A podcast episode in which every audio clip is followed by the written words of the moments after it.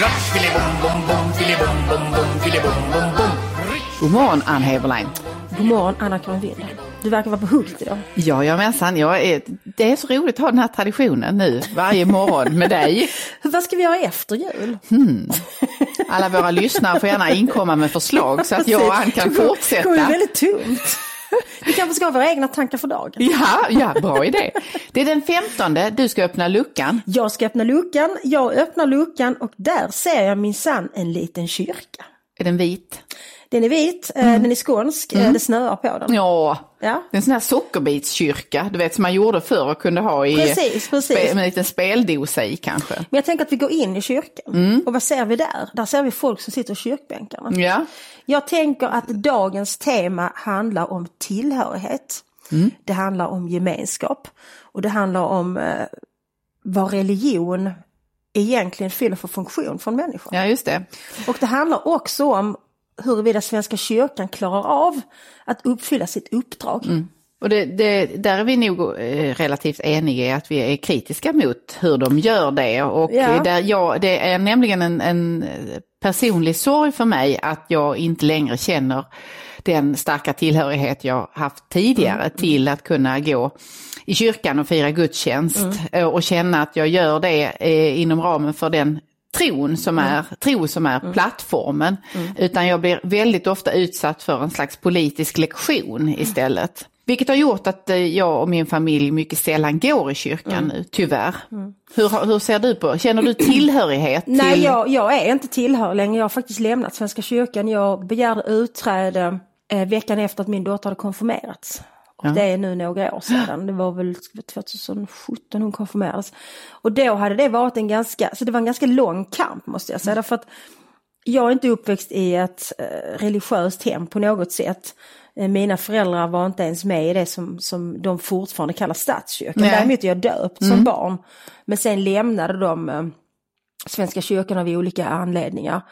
Och jag är inte konfirmerad heller som 14-åring utan jag började söka mig till kyrkan och intressera mig för kristen tro någon gång i sena tonåren. Ja. Och blev sen konfirmerad i samband med att min andra son döptes Ja. 1994, då var jag 24 år gammal. Och då hade jag redan börjat läsa teologi i akt och mening att bli präst. Ja. Och jag har ju gått hela den vägen. Jag har en teolkand, jag har gjort mina tre månaders förpraktik i olika församlingar. Jag har lärt mig sjunga liturgisk sång. Eh, jag har gått i de här samtalsgrupperna och så vidare. Så jag är ju färdig för prästvigning. Ja. Det kommer nog aldrig att bli så. Därför att jag började, jag fick en doktorandtjänst så jag valde att skriva en doktorsavhandling innan jag blev prästvigd och tänkte så här att okej jag skriver en doktorsavhandling och sen efter de här fyra åren så blir jag prästvigd. Men under de fyra åren så hände någonting och jag upplever inte att det hände någonting med mig utan jag upplever att det hände någonting med Svenska kyrkan. Ja, jo, men det, Och det hade, hade nog varit, alltså det där hade nog hänt ganska länge. Ja, precis, Men, men det, det- blev tydligare och tydligare. Det är ju ofta så att man kommer till någon punkt där man kan känna att Ja. det här, där det blir det som är markeringen för Ja. att man inte längre har tillräckligt mycket Ja. av den tillhörigheten kvar. Och eh, när jag, så jag är inte uppvuxen i ett, ett särskilt religiöst hem. Eh, vi har medlemmar Mm. i Svenska kyrkan, eh, jag är döpt, konfirmerad och så vidare. Men, och vi gick i kyrkan när det var någonting speciellt Mm. som skedde. Så det finns ju, det är ju den, jag tycker att man kan få lov att tillåta sig att att ha den typen av tillhörighet också till en kyrka. Alltså det Mm. vill säga det behöver inte vara att man är förenad i tron alltigenom utan att det finns en koppling via de ceremonier, de, Ja, den alltså det- gemenskap som Ja. erbjuds genom kyrkan och kyrkans plats Mm. i samhället eller i byn eller vad det nu än är. Men du sa när du öppnade luckan att du ser en kyrka och du går in och det är fullt med folk i bänkraderna. Det är ju en väldigt ovanlig bild idag att ja, det är nej jag fullt. sa inte att det är fullt med Nej, folk. det sitter folk där. Det sitter folk Ja. Det, det är ovanligt det är också. ovanligt. Det sitter folk. Men, men för mig, jag kom till en punkt när, jag tror det var 2016 som eh, man gjorde någonting som kallades julupproret. Jul, Ja, jag nej, förlåt, detta. juluppropet. Ja, det var förfärligt. Ja, och I det, advent.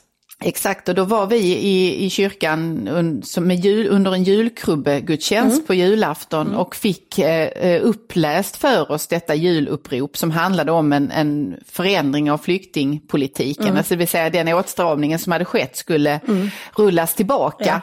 Ja. Eh, och då uppmanade prästen oss som satt i församlingen att på vägen ut ur mm. kyrkan mm. skriva på detta dokument och för mig var det en då förändrades jag från att vara en del av tillhörigheten mm. Mm. där till att istället bli ett verktyg för en politisk manifestation. Ja. Och sedan dess har jag tyvärr inte varit och firat gudstjänst faktiskt. Nej, jag tycker väldigt illa vid mig av just den saken också. Då hade jag fortfarande kvar mitt hus på Österlen. Så Erik och jag var där över helgen och så skulle vi gå i kyrkan till första advent. Och då gick vi i den lilla bykyrkan i Östra Tummarp. Eh, och den, där är faktiskt relativt mycket folk får man säga, och det var ju advent. Så ja, det, det nästa... brukar ju vara, det är ju stor... Ja, men där är, där är folk även en vanlig söndag, för det, det liksom, och det är ju den äldre generationen kan man ju nog säga.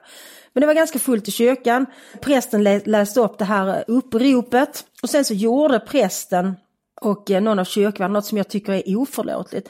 De ställde sig alltså vid utgången med varsitt papper.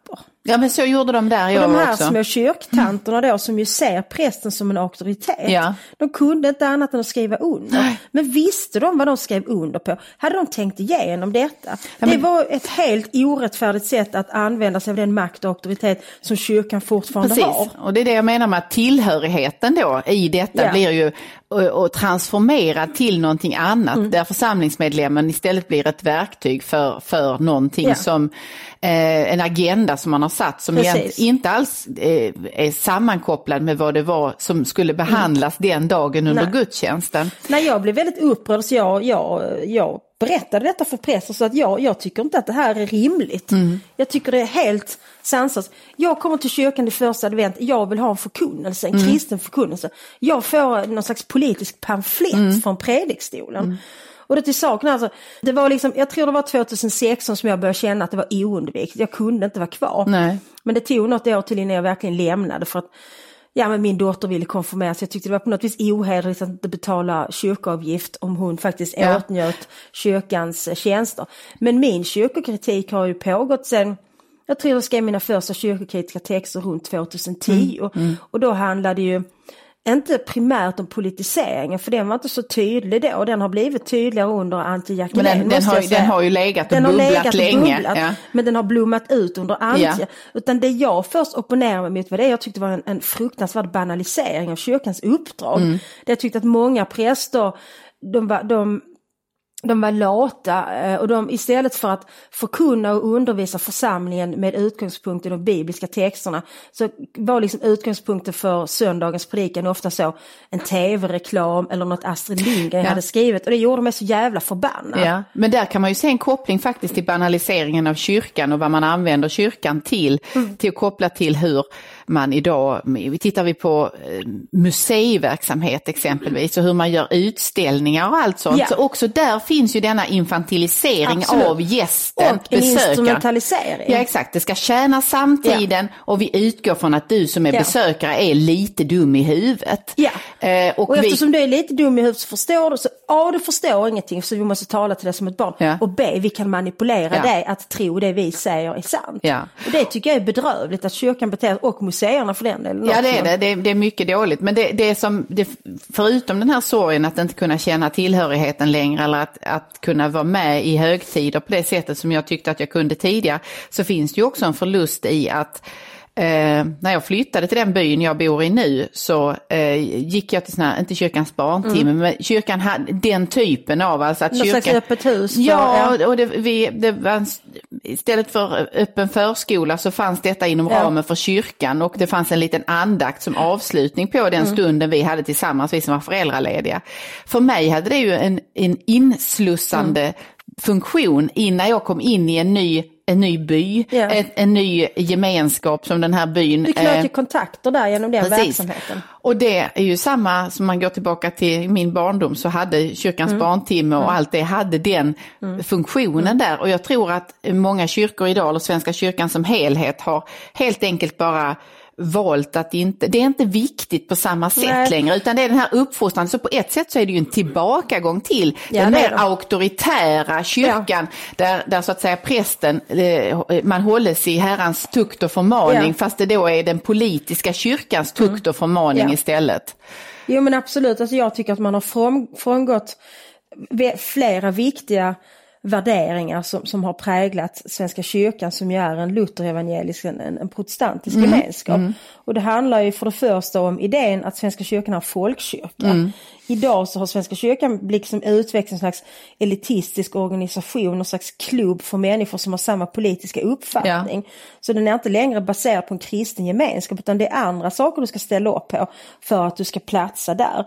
Sen tycker jag också man har frångått den oerhört väsentliga grundläggande idén om det allmänna prästadömet vilket innebär att vi behöver inte prästen som den här liksom likriktaren. Prästen ska hjälpa oss att själva finna vägen. Prästen ska hjälpa oss att ge oss nycklar att förstå texterna om vi inte förstår dem. Alltså prästen är pedagogen i den meningen att prästen ska gå före och öppna upp. Ja. Men sen har varje kristen en egen förmåga och Och en möjlighet egen möjlighet framförallt. Ja. till kommunikation med Gud och för att förstå texterna. Just det här att behandla församlingen som en skock barn som ska fostras. Boskap. Ja, det är verkligen en, en tillbakagång Ja. till något som vi borde ha lämnat. Men, men man kanske kan tänka sig att vi till våra kära lyssnare och kalenderföljare här, eh, vad, vad, vad kan man göra? Man, man kan ju naturligtvis som, som du har redan gjort, man kan gå ur kyrkan och söka andra gemenskaper då kanske, eller, eller använda den här möjligheten precis som du som ligger i att man eh, kan föra ett eget samtal, man kan tolka texterna själv och det är lika äkta eller lika sant som någon annan gör det. Men man kan ju också tänka sig att man faktiskt på, ifrågasätter som om man, så länge man är en del av Ja. en församling, att man faktiskt ställer kritiska frågor och påpekar den här typen utav, alltså när man, när man rör sig bort från det gudstjänsten ska handla om till någonting helt annat, att man höjer sin röst där. Ja, jag tycker egentligen att, att alternativ två är bättre. Ja. För att om du vill påverka en organisation så gör du det bäst inifrån. För jag har, när jag nu har lämnat Svenska kyrkan, jag har inte med det att göra längre Nej. egentligen. Men det är bara det att Svenska kyrkan är ju inte vilken klubb som helst. Eller det var inte, vil- jag, sista gången jag besökte en gudstjänst, eh, det var faktiskt i adventstider eh, på Östermalm. Jag kommer inte ihåg vad kyrkan heter nu, det är en av de stora kyrkorna där. Och det, det var en absurd tillställning och när jag satt där så kände jag så tydligt att Gud finns inte här längre. Nej. Och det var en väldigt obehaglig upple- upplevelse. Så sen så efter det, det var liksom, tog det ytterligare några månader och sen så lämnade jag Svenska kyrkan. Men vill man påverka, stanna kvar, engagera dig kyrkopolitiskt. Nu är jag av uppfattningen att vi inte ska ha partipolitik i kyrkan. Och då får man använda sin, sin rösträtt till att rösta på de icke-politiska Ja, alternativen. Vi det ska inte ha ju- varken sossar eller sverigedemokrater som ska bestämma över kyrkan. Nej, det tycker är inte jag heller. Och det är ju, blev ju så otroligt eh, tydligt i det kyrkoval som utspelade sig här i höstas. Ja. Hur, hur eh, de politiska partier som engagerar sig i kyrkan vill eh, verkligen an, använda kyrkan för att föra dagspolitisk Precis, kamp precis, istället. Och där precis. nästan ingenting av de utspel som gjordes eller de debattartiklar som skrevs av partierna som ställer upp anförde ju någonting som hade med, med, med tron eller med, med skriften att göra. Och den gemenskap som tron kan utgöra en bas för. Utan det handlade om frågor som vi känner igen från partiledardebatter eller De vill agendadebatter. bedriva samma politik i kyrkan som de gör i, i kammaren. Ja. Och det är fel. Och, och det, det ligger ju också i detta när man talar om att det är klart att eh, texterna behöver förändras i, i språk och ton i förhållande till att det ska, det ska liksom följa med, inte följa med tiden, men det ska ha en begriplighet och vara, vara sanna mot källan på något vis. Men, ja, men det kan man ju också se i hur man plötsligt så gör man om språket på lite egna eh, lustiga sätt då, där det ska vara ett inkluderande språk och där det blir viktigare än att det finns en trohet mot vad Mot man- ursprunget och mot källorna. ursprung och källan och vad som avsågs där. Där det, det också kan vara, det kan ju ha närmast en exkluderande effekt. Ja, för oss som inte känner oss bekväma med det. Ja. Men låt oss knyta ihop säcken kring temat tillhörighet och framförallt religiös tillhörighet. Och jag tänker så här att även om man inte känner sig hemma i församlingen så tycker jag, vi läser julevangeliet där hemma. Eh, Jag har alltid bett aftonbön med mina barn och jag tror att det ger det ger en struktur till tillvaron eh, som faktiskt är ganska bra. Så er, till er som hyser någon form av tro, ni kanske bara definierar som kulturellt kristna eller inte så kristna allt, men ni som gör det, ta fram julevangeliet och läs en snutt. Oavsett om ni tror eller inte så är det en del av vår tradition. Ja. Med detta säger vi Guds frid och ha en fin dag. Hej då. Om ni inte kan få nog av oss och våra ljuva skånska stämmor så gå in och stötta oss på patreon.com sundagskolan.se så kan vi spela in ännu mer och ännu bättre program. Och vi kan hitta på en massa roliga saker och berätta om allt i detalj för er. Så stötta oss, Ann och mig. På Patreon. Följ oss på Instagram och Facebook. Snart startar vår stora färgfest med fantastiska erbjudanden för dig som ska måla om. Kom in så förverkligar vi ditt projekt på Nordsjö Idé och Design.